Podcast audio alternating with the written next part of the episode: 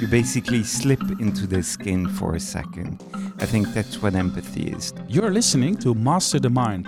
I'm Robin Rodman, and in this podcast, I interview top researchers about the mysteries of the brain. We recruited an uh, convicted psychopath. We put them in the scanner, we let them experience pain, like I said, and then we let them witness the pain of others. What we observed was that they did not activate their own pain as much as you or I would. My guest today is a professor for social neuroscience at the University of Amsterdam. He also leads the Social Brain Lab here at this institute together with Valeria Gazzola. Christian Keysers, good to have you on the show. How are you? Well, it's a pleasure to be here, Robin, and I'm feeling very good so far. Thank you. Today we're uh, recording a podcast about empathy, which is an interesting thing. And later in this podcast, we're going to listen to an interview I had with a colleague of yours, and uh, she researched the effect of hierarchical structures on empathy. I think ev everybody more or less knows what empathy is. You know, everybody knows, but still, what is empathy? Well, so the, the word empathy really means to feel yourself into someone else. And so, so for me, empathy is really about this intuitive feeling that while you witness someone else, perhaps in an emotional state, doing a particular action, you can kind of feel what goes on uh, in that other person. You can feel his or her emotions. You can feel their goal, their actions, what they're living in. You basically slip into their skin for a second. I think that's what empathy is and me. it goes a little bit deeper than me just seeing you smiling and rationalizing this behavior or seeing you crying and see the tears and then figuring out, ah, this guy must be uh, happier for something or this this is this is really uh, some level deeper. You're really in, in, intuitively slipping into this state or this maybe this state is slipping into you. This yeah exactly. I think if i would imagine what uh, what a google network could do, right? It could look at your face and classify you as being happy right now. But uh, I suspect that for Google, it stops there. They can tell you, they can recognize the emotion, but they'll never really know what it feels like. I think what makes a human special when they look at other humans is that, of course, we have a similar internal life to, to the other people. We know what happiness or sadness or distress or even thirst feels like. So, with all of that, I think if you see the emotions of someone else, empathy adds all this richness of your own emotions to what you see. You stop to just see the other and you start to really feel what the others feel. Before we deep dive into the brain, let's zoom out a little bit. So, what is this empathy good for in terms of I don't know, the human evolution. Yeah, I think there's two ways in which uh, empathy is really amazingly helpful from an evolutionary point of view. The first one is about knowledge right? So um, what we need to do to survive is we need to to understand places that we want to go to, places we want to avoid we try to, to understand what food is good to eat, what food is bad to eat.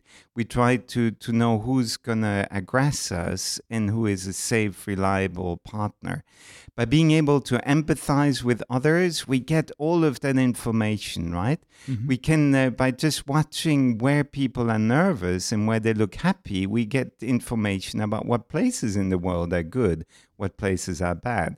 If I see you, try a sandwich and look disgusted, I know whether to choose the same sandwich uh, at our canteen or not. And by looking at how you react to me, I get an impression of whether you are kind of try to have a positive interaction with me or whether we we're going to go into a conflictual situation so that's uh, what i call sometimes the epistemic aspect of empathy meaning that empathy is a source of information.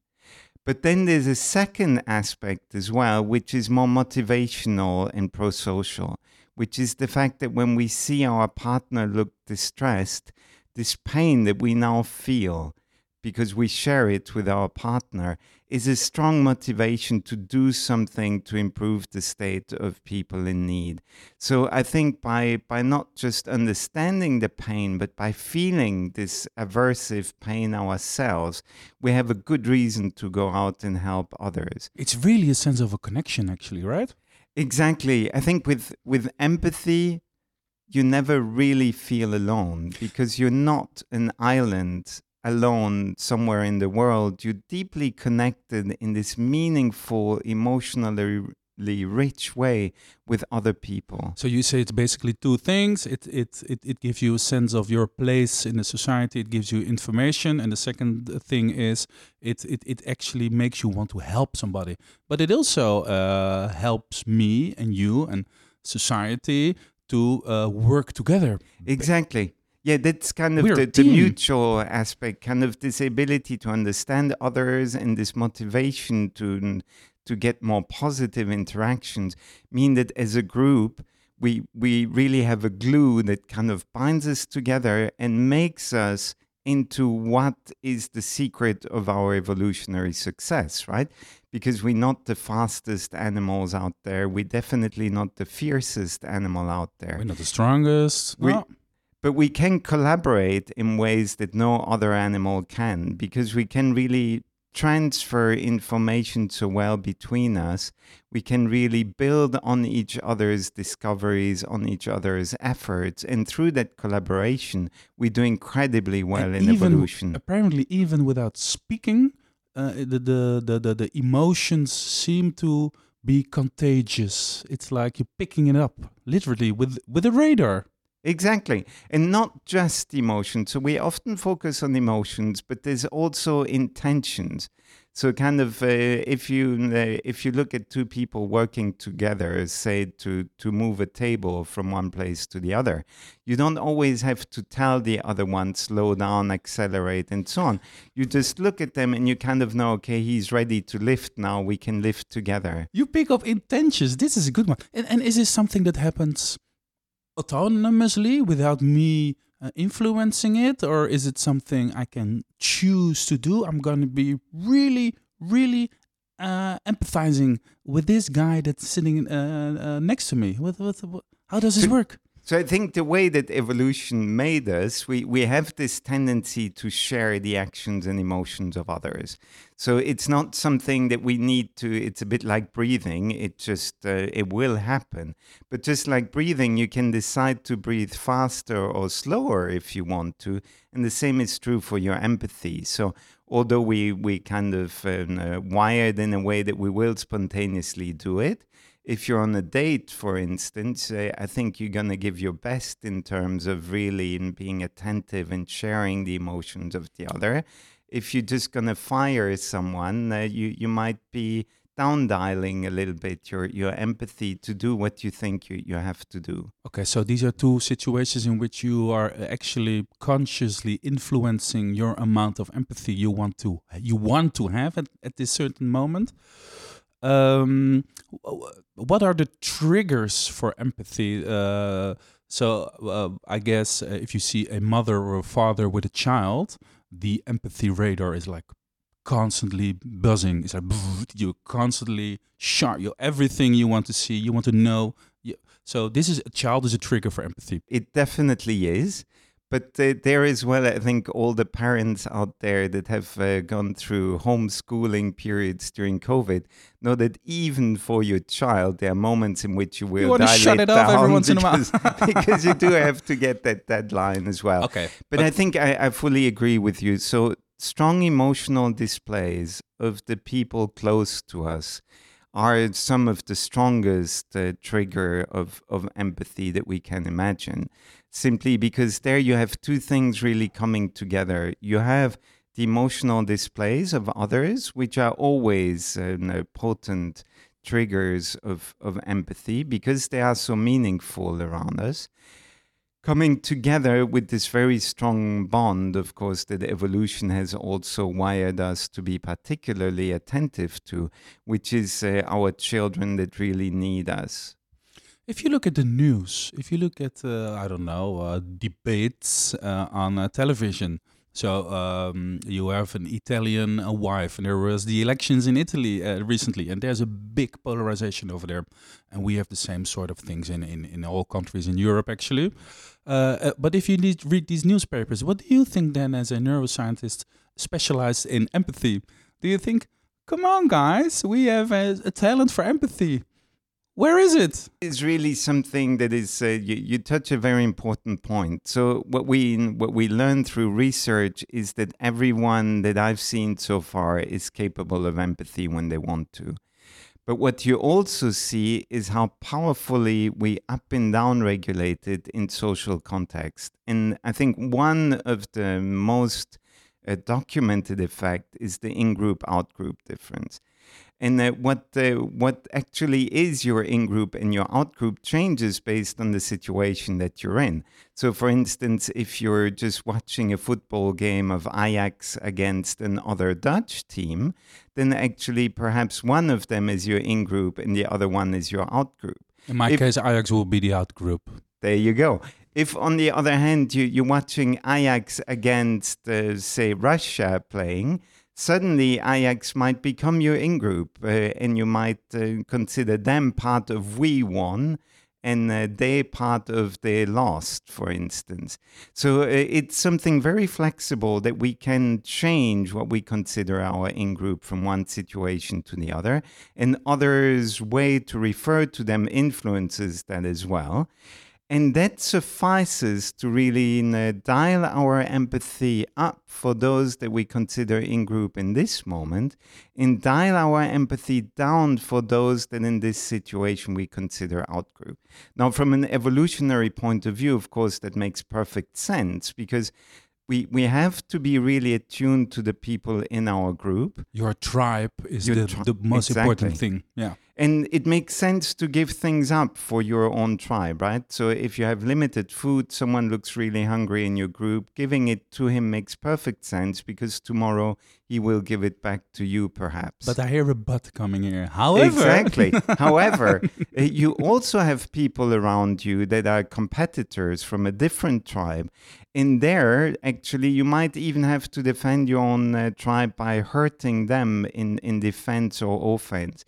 So it's clear that evolution would have given us the power to down dial this uh, empathy when it would get in the way of actually defending our tribe and up dialing it uh, to for us to really be motivated to collaborate, like you said so nicely in the beginning of the podcast. So this is a be- beautiful analysis, the in-group, out-group uh, system. But the, the question I asked is, if you read the newspaper, what do you think? with this great talent we have, empathy. What do you? This is this is a naive, uh, idealistic question, or whatever. But I still want to want to ask it. What do you think? Come on, guys. We have a talent for empathy. Where is it? This was the question. Yes, exactly. so, so I think as we as we mature to to be morally, I think uh, more sophisticated individuals, we realize that we have this tendency to really empathize with our in group and forget about the out group. But we may also have the, the impression that this is not what we should actually do. Because at the end of the day, we, we are, of course, all collected uh, in this one world. And there's no real advantage to conflict uh, with, to create out groups which n- maybe not actually exist.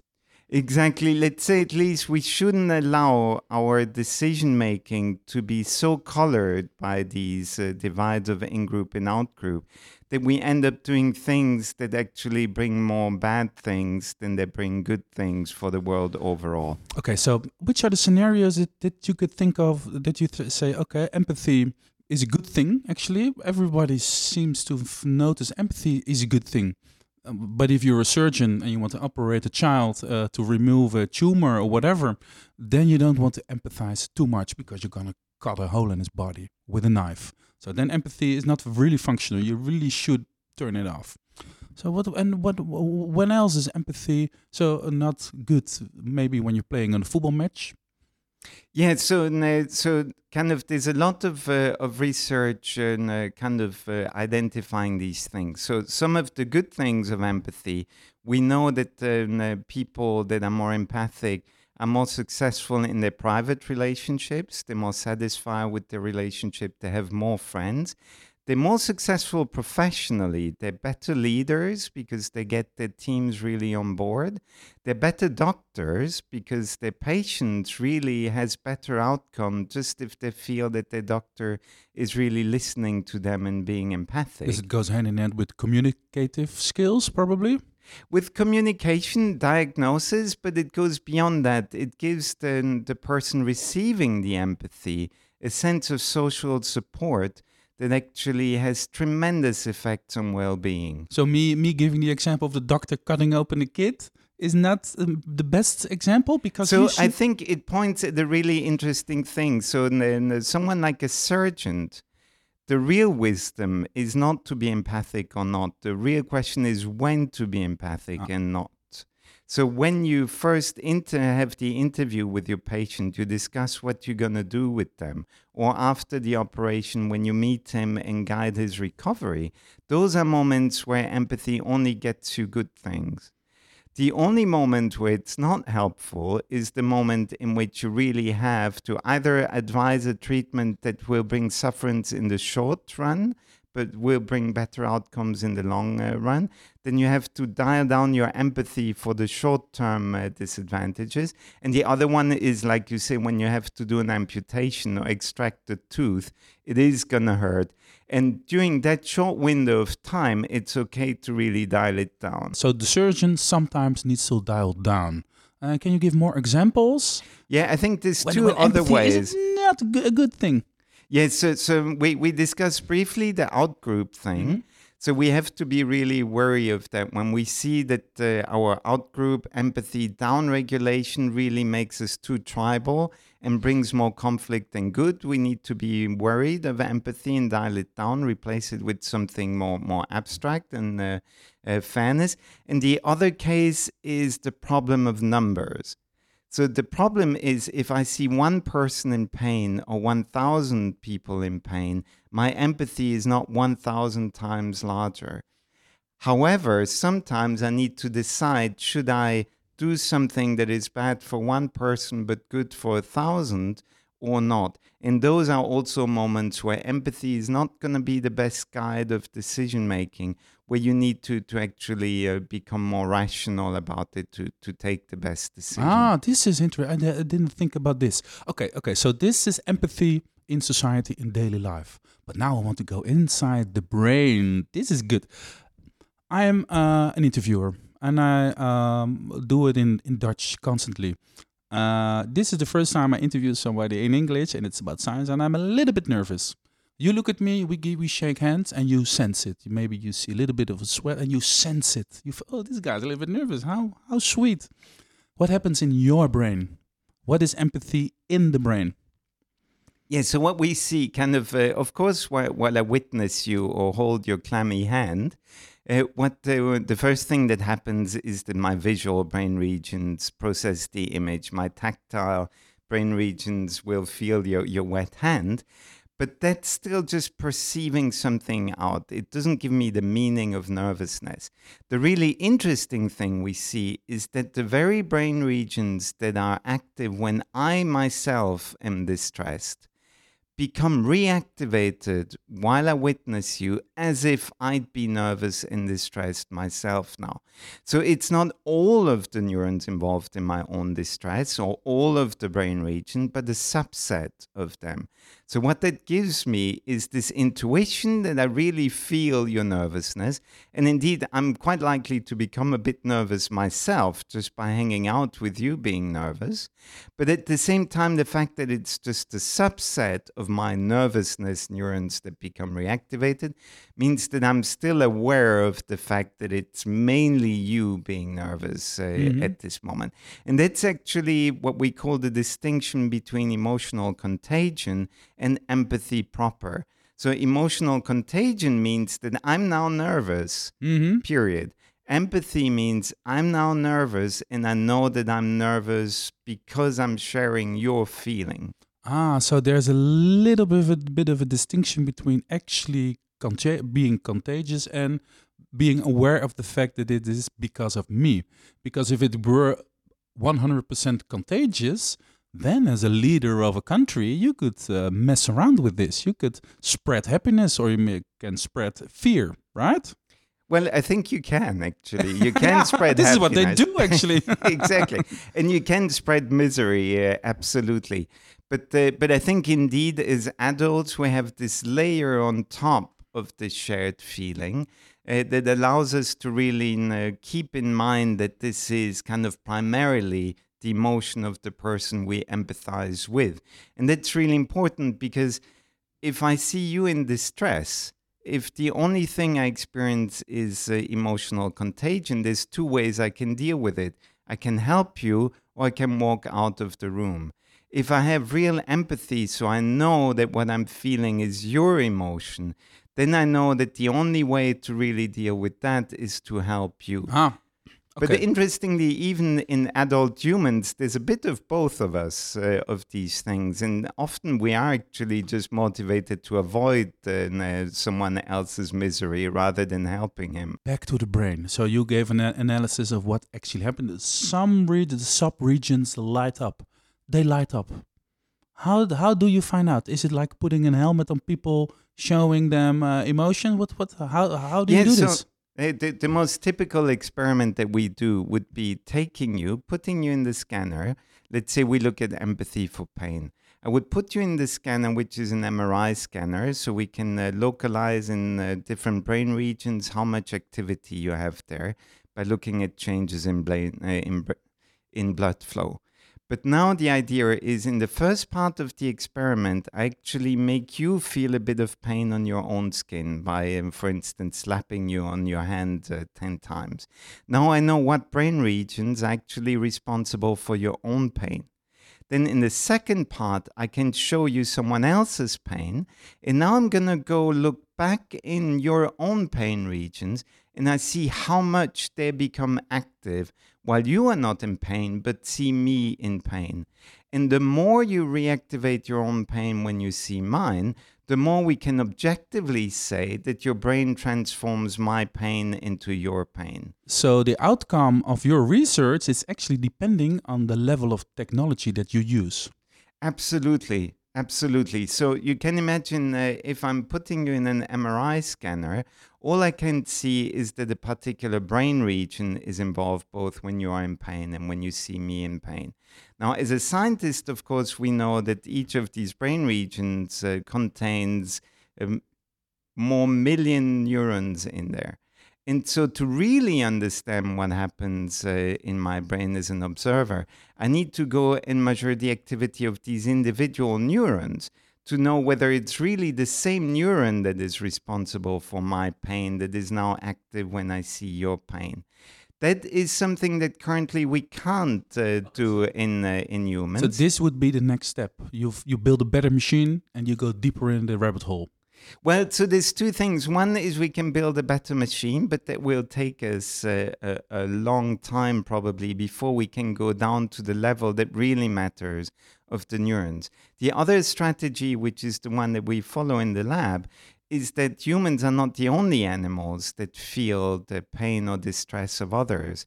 And in uh, animals, we have other technologies that are not yet available in humans to really zoom in to the level of individual neurons and be able to really ascertain the degree to which the very neurons you use for your own pain get reactivated. And we can go even one step further, which is to say, well, now I'm just going to take those neurons that I saw were active when the animal witnesses uh, another animal's distress. And I can deactivate, so dial down the activity in just those neurons. Would that change how much the animal is reacting to the pain of others? Because if we see that that is the case, then we have the first step to really say now in psychiatric disorders where there is uh, too little or too much empathy, could we, in principle, develop a way to help these people? So this was actually the next question on my list because uh, so what what happens if you have too much empathy or no empathy? So this is the psychopath then? No empathy, you're the psychopath or what? So, what is interesting, we actually ask ourselves that question. And so, what we did was we, we recruited and. uh, convicted psychopath that had been in prison because uh, they've done terrible very violent crimes. We put them in the scanner, we let them experience pain, like I said, and then we let them witness the pain of others. What we observed was that they did not activate their own pain as much as you or I would uh, when they witnessed the pain of others.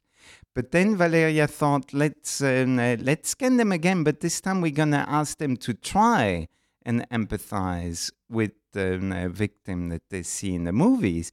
And now their activity was completely normal. So, what that tells us is that actually, you remember, we talked about uh, the way that we regulate Mhm. empathy. And so, our feeling is that in psychopathy, what goes wrong is not the ability to empathize. So, if they want to understand what goes on in you, they can tap into your emotions and share them. But it is the propensity to empathize all the time that is really downregulated in them, which may make them the perfect adaptation to situations of conflict where all of us need to downregulate them. So this could open the door for a therapy pill, perhaps, or this is cogni- cognitive therapy. Yes, exactly. So you could help somebody empathize. You could tell somebody, uh, yeah. So yeah, this uh, lack of empathy might have been a coping mechanism from your youth. You you shut it off because maybe in in, in the past it helped you out in some situations.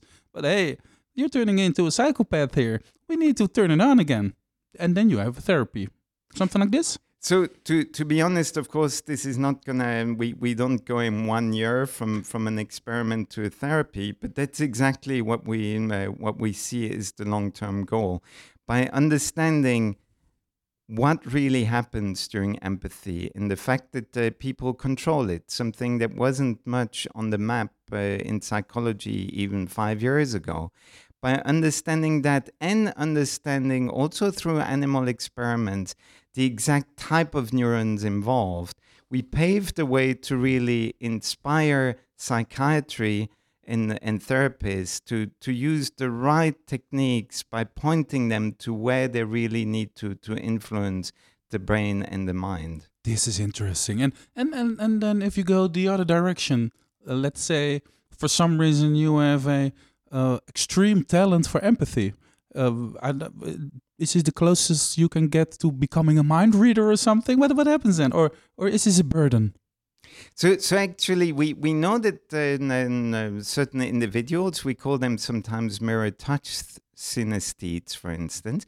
If they see me, for instance, touching my cheek, they literally feel touch on their own cheek to the point where if I, I actually touch them on the left cheek, they ask them to say, What side do I touch you on? If they see me being touched on the other cheek, they'd say, Oh, you touched me on both cheeks at that moment. Wow. And so, if you test these individuals, you show them a movie of someone uh, explaining some, some emotional uh, story, they'll be more accurate at telling you what that person feels in the second to second moment in that movie.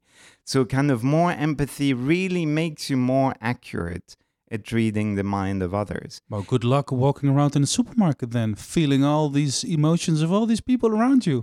Well, I think that's really two two things come in there. First of all, we have to to remember that regulation is your big answer here. It's not that you have too much empathy. What you can have is not enough regulation to turn it off when you really have to. So that's a way to direct them. Really, to look, you have something amazing. Make use of it when it uh, when it is good. But perhaps we could work a bit on on how to downregulate it. And the the second aspect is that, uh, of course, you we don't all need to have the same lives. So if you are amazingly good at empathy, perhaps go into a line of work or occupation that really makes the best out of it. And then you'll really experience it not as a burden, but uh, as a, an amazing source of talent. So you could be a good psychologist or something like that. Exactly, or perhaps just an, uh, a, a good person in life to, to be to towards your, your children or your student in school. One of your colleagues, Kalliopi Lumpa, researched the role of empathy in hier- hierarchical structures. This is a word I cannot pronounce, but whatever. Could you be so kind to introduce her so that we can listen to uh, the conversation I had with her? Kelly is a PhD student uh, in our lab, And she worked together with uh, Emilie Caspar as well, uh, a Belgian uh, scientist. And what was really motivating us is this observation that, for instance, during uh, World War II, during the Nazi time, some soldiers were doing really terrible things. And uh, after the war, when, when people asked them, why did you do that? They very much had the sense that because they were just executing orders, they themselves were not so emotionally linked to what they were doing to, to others. So we were really fascinated by trying to understand what happens either in the mind of the commander that gives these orders or of the soldier that executes them that may make this hierarchical situation different from just you or I starting perhaps to kick a dog. So, so this kind of uh, trying to, to understand what happens in the brain and in the mind when you do things in a hierarchical structure and how it changes your empathic experience was the motivation. And she went into this material. Let's have a listen. This study is a continuation of a previous study when we actually looked at the behavior and the brain mechanism of executors or agents, who are actually the people who would administer a painful stimulation to a victim in our experiment, and that would be either when they would freely decide to do so or while receiving orders from someone higher in the hierarchy. And in our experiment, this person would be called a commander. So now what we saw is that when people were instructed to do so, they reported to feel less bad, less sorry, and less responsible for doing so, compared where they were freely eh, making the same action themselves. Also, when we look at their brain, we saw that their pain network was less engaged with these actions that they were committing when they were coerced, receiving orders, compared to when they were freely executing the same action. So, when you have an hierarchical structure, the commander is responsible but not doing the action.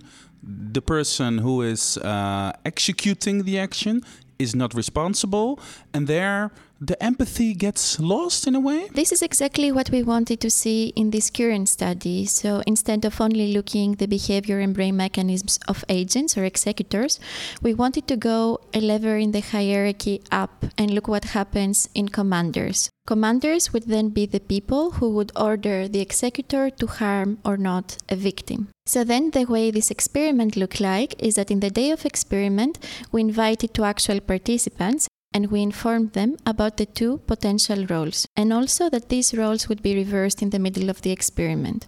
So, one participant would be the victim that would receive painful stimulations in the form of electroshocks in the hand while being recorded, and the other participant would be the commander that would go in the fMRI scanner or in the EEG, since we had two experiments with these two techniques, and would either give an order to a human executor to administer or not a shock to the victim.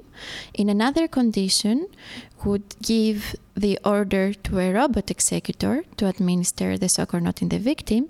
And finally, in the third condition, our commander would be an intermediary in the hierarchical chain. And in this case, someone even higher up in the hierarchy who give an order to our participant to give an order to an agent to administer a shock or not. So the higher up in the hierarchy you are, uh, the more responsibilities you have, the less you have the boots on the ground and um, uh, committing the actions, um, the less empathy you feel. Is this also what you saw? Actually, this is what we indeed observe. So we saw what when we looked at the brain of our commanders that they were less engaged and they demonstrated less activity related with pain compared to the executors, who would be the actual people delivering the pain stimulation. So it seems that indeed the higher up in the hierarchy they are, that makes them feel less detached from uh, from the actual outcome. Also, what we observed is that when commanders have a human as an executor compared to a robot, they tend to disengage even more. Because it seems maybe that in the way that having a robot as an executor makes it more hard to really diffuse the responsibility in this case. Hmm. This specific research is about uh, uh, applying uh, electrical shocks to, to hurting people physically, right? Yes, we use electrical shocks. Also, in the beginning of the experiment, both participants are watching the calibration, the pain thresholding as we call it, of each other. So we are very explicitly in telling them that they can really decide for their own pain thresholding and that is not going to change throughout the whole experiment. So, in normal life, uh, people in hierarchical structures are not running around electrocuting each other. So, what do you think uh, if you take these insights into the real world? Uh, organizations, uh, political parties, or maybe uh, the Brain Institute. If you want your uh, personnel to be empathizing human beings. Uh, is the way you are organizing things is it relevant? You think? It's for sure the case that there are hierarchical structures every day in our lives. As you said, that can be from corporates to public institutions, and also, of course, as more structure forms as like the army indeed so yes indeed uh, we think that it will be very important for at least for people to be aware from the dangers that this entails now, whether this could uh, result in some sort of education about managers or any members. So at least people are aware that this is a thing and they are more careful on how they structure their organizations. So apart from educational of course it could also be that people could actually decide to reduce hierarchical chains as much as possible. So then people actually feel closer to their actions and they can feel more that they have the authorship and then more responsible for them. So, you are a young uh, researcher. What could the next step in this uh, line of research be? What do you think could be interesting to know? There is also already lots of research taking place in this topic from Emilie Caspar, but also something very interesting is, of course, what happens in disobedience, because in this study we see the neural mechanisms when people obey and also also, very surprisingly, we see that it's very few people that would tend to disobey. But in order to actually study this mechanism, there is lots of repetitions, or tasks were not designed to really reveal the mechanism of these behaviors. And of course, there is also research which is very relevant that really takes these experiments in the outside worlds. And that is in this case like either prisons or indeed in societies around the world when there has been like lots of conflicts within the society between different groups. Wow, this is interesting. So, hierarchy has an effect on empathy. What are the, the, the, factors that determine how much we empathize at a given moment? Because it's, it's not only hierarchy, obviously. It's the in group, out group thing. It's, it's me meeting a girl. It's, it's my child. So, what, what is it all? Yeah, so I think that there's kind of four really big factors influencing how much I'm going to empathize in this moment with that person. Mm-hmm. So one factor is actually our genetics. So so there's studies that show that people that have more similar genes will be more similar in how much they empathize in a certain situation with each other. With it, well, no, also with uh, with other people. Ah, so okay. what I mean is kind of uh, me and my sister. Just because we share more genes, we'll be more similar in our empathy than uh, than um, me with someone completely different. And for instance, if you think about psychopathy, we spoke about that before. We know that there is a strong genetic load there. So if you're the son of a psychopath, you you you don't start with the best setup. The second is actually how you grow up. So if you are in a very empathic environment, very empathic parents, that will really uh, encourage you to cultivate your empathy and you will become more empathic than if you grow up in a very tough environment where kind of speaking about emotions and being soft hearted is frowned upon. So that's kind of how you grow up. The third factor is more situational that means kind of uh, if the whole situation around you builds up that this person is really your in group, your compatriot. This is more the hierarchy, hierarchy thing that we just listened. Uh, this is about the, the exactly. That's uh, that's one aspect of it. So I think in the situation you have uh, the, how much culturally that uh, target is considered part of your in group or not. But uh, it also includes kind of constructions like hierarchy, where if uh, in this situation you just get an order to do something, you don't feel responsibility for what you do and your empathy goes down. And the fourth factor is actually, and that's I think one that we should all be very mindful of, which is just our own decision to be empathic in this very moment. I can, despite the situation, despite the way I grew up, and despite my genes, I can, in this moment, just stop, take a breath, and tell myself, I want now to really listen to how you feel and be empathic. And this will have a tremendous effect on how empathic I can be in this, this moment. This touches a bit on the, the, the one of the first question I actually uh, asked you about uh, reading the news because I was thinking about exactly this this weekend because obviously I knew I was going to interview you, and I thought it's this is actually an interesting thing because if one of my best friends who I've been knowing for 30 years uh, does something really stupid, I would be very eager to get my he- head around it. I want to hear, listen to a story. I, I, I, would, I would try to find how did it derail like this. I would be, I would be choosing to empathize. To, to, to, to, I want, I want to get it. But if it's just a random guy in the street, I would, I would judge him. I would say, no, no, no, this is not okay you're an asshole, right? So is is this what you what you mean? Uh, you can yes. choose to be. So, so I think there's uh, there's uh, increasing research, for instance, in Israel, where where a lot of people try to understand how you can de-escalate the conflict between Arabs and Jews. And one of the, the strong effects that they uh, try really to achieve is to awaken this sense of empathy also for the adversary because very often when you really take the time to see the, uh, the things from the point of view of the other group and that is something you can really set your mind on it you will de-escalate the conflict because at the end of the day we usually have the same aspirations. We all just want to have a good life in safety.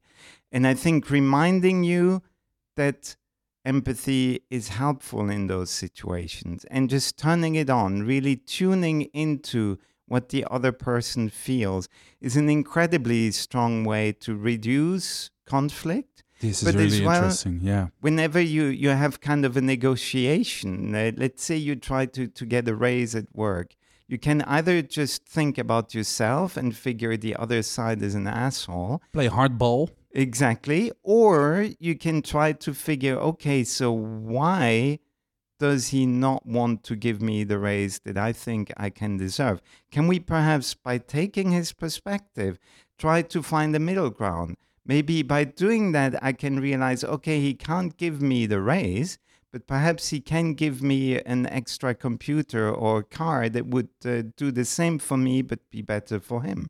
Or imagine you have a, a a, a disagreement with your Italian uh, girlfriend. yeah. At the moment, perhaps she did something that really, really, really annoys you, and you're figuring she knows exactly, I hate when she does that. Why does she do that? You get into this defensive mood. You really don't listen anymore. You get in a conflict. That's the moment, again, to just stop for a second, turn on your empathy. Take a deep breath and turn it on again. Yeah yeah. and try to really feel what she is feeling. And I'm sure you're going to get uh, out of that conflict in no time. Okay, so now we are reaching the end of this podcast. I have two more questions, and these are the big questions. What is the holy grail in the research of the phenomena of empathy? What is it? What is it that you think, oh, if you only knew the answer? Yeah, so for me, kind of one of the, the key question there is really how is it in the brain that in some situation I, I have this rich empathy and in others I don't. Kind of to really understand how I can regulate empathy in the brain. Of course, I need to understand how the empathy works and how we regulate it. But uh, really understanding these individual differences and how we can uh, we can dial them up and down would be incredibly exciting. And how to me. manipulate it. Exactly. Okay, so and then maybe a little bit more broader because the, the title of this uh, show is uh, Master the Mind. We're talking about the mysteries of the of, of the brain. What is what is what is to you the biggest mystery of the brain that we might never master or that you wish we ever master? What is it? The big thing about the brain. Yeah, so for, for many scientists, one of the big questions is what is consciousness? So how do Mhm. I become conscious of things? For me personally, it it's not that because uh, I think a lot of the really exciting things that happen in our brain are happening without requiring my consciousness. We have these rich intuitions uh, about the world, uh, about the people around us, about solutions to problems that sometimes seem to come out of nowhere while we sleep. So, for me, really understanding how all these influences on us come together to, to make us the person that we are is really what fascinates me. And then, of course, as a scientist, we have to dial into one of them because otherwise we're never going to make any progress. And for me, you that zoom one. in every once in a while, yeah. And so for me, I've chosen to really look at empathy because I think the influence that others have on us is really a bit underestimated very often. And yet, one of the richest sources of pleasure, of knowledge, and of meaning in our life. So, last question. You have been an empathy for, pro- professor for quite a while now. I'm calling you the empathy professor. Uh, you've been studying it, you still study it. Is your life uh, getting any easier now you know more about empathy? I think what the, what my life becomes is richer. I don't know if it becomes simpler, but uh, richer because I think you, you learn to really appreciate all the things that other people give you through this gate that you open wide with your empathy. Thank you very much. Christian Keysers, good luck with the great work you're doing. I'm very curious about uh, the results that we're going to see the next couple of years. Uh, more information about the Netherlands Institute of Neuroscience you can find on www.nin.nl. And NIN is N-I-N. Thank you very much. Thank you so much for having me.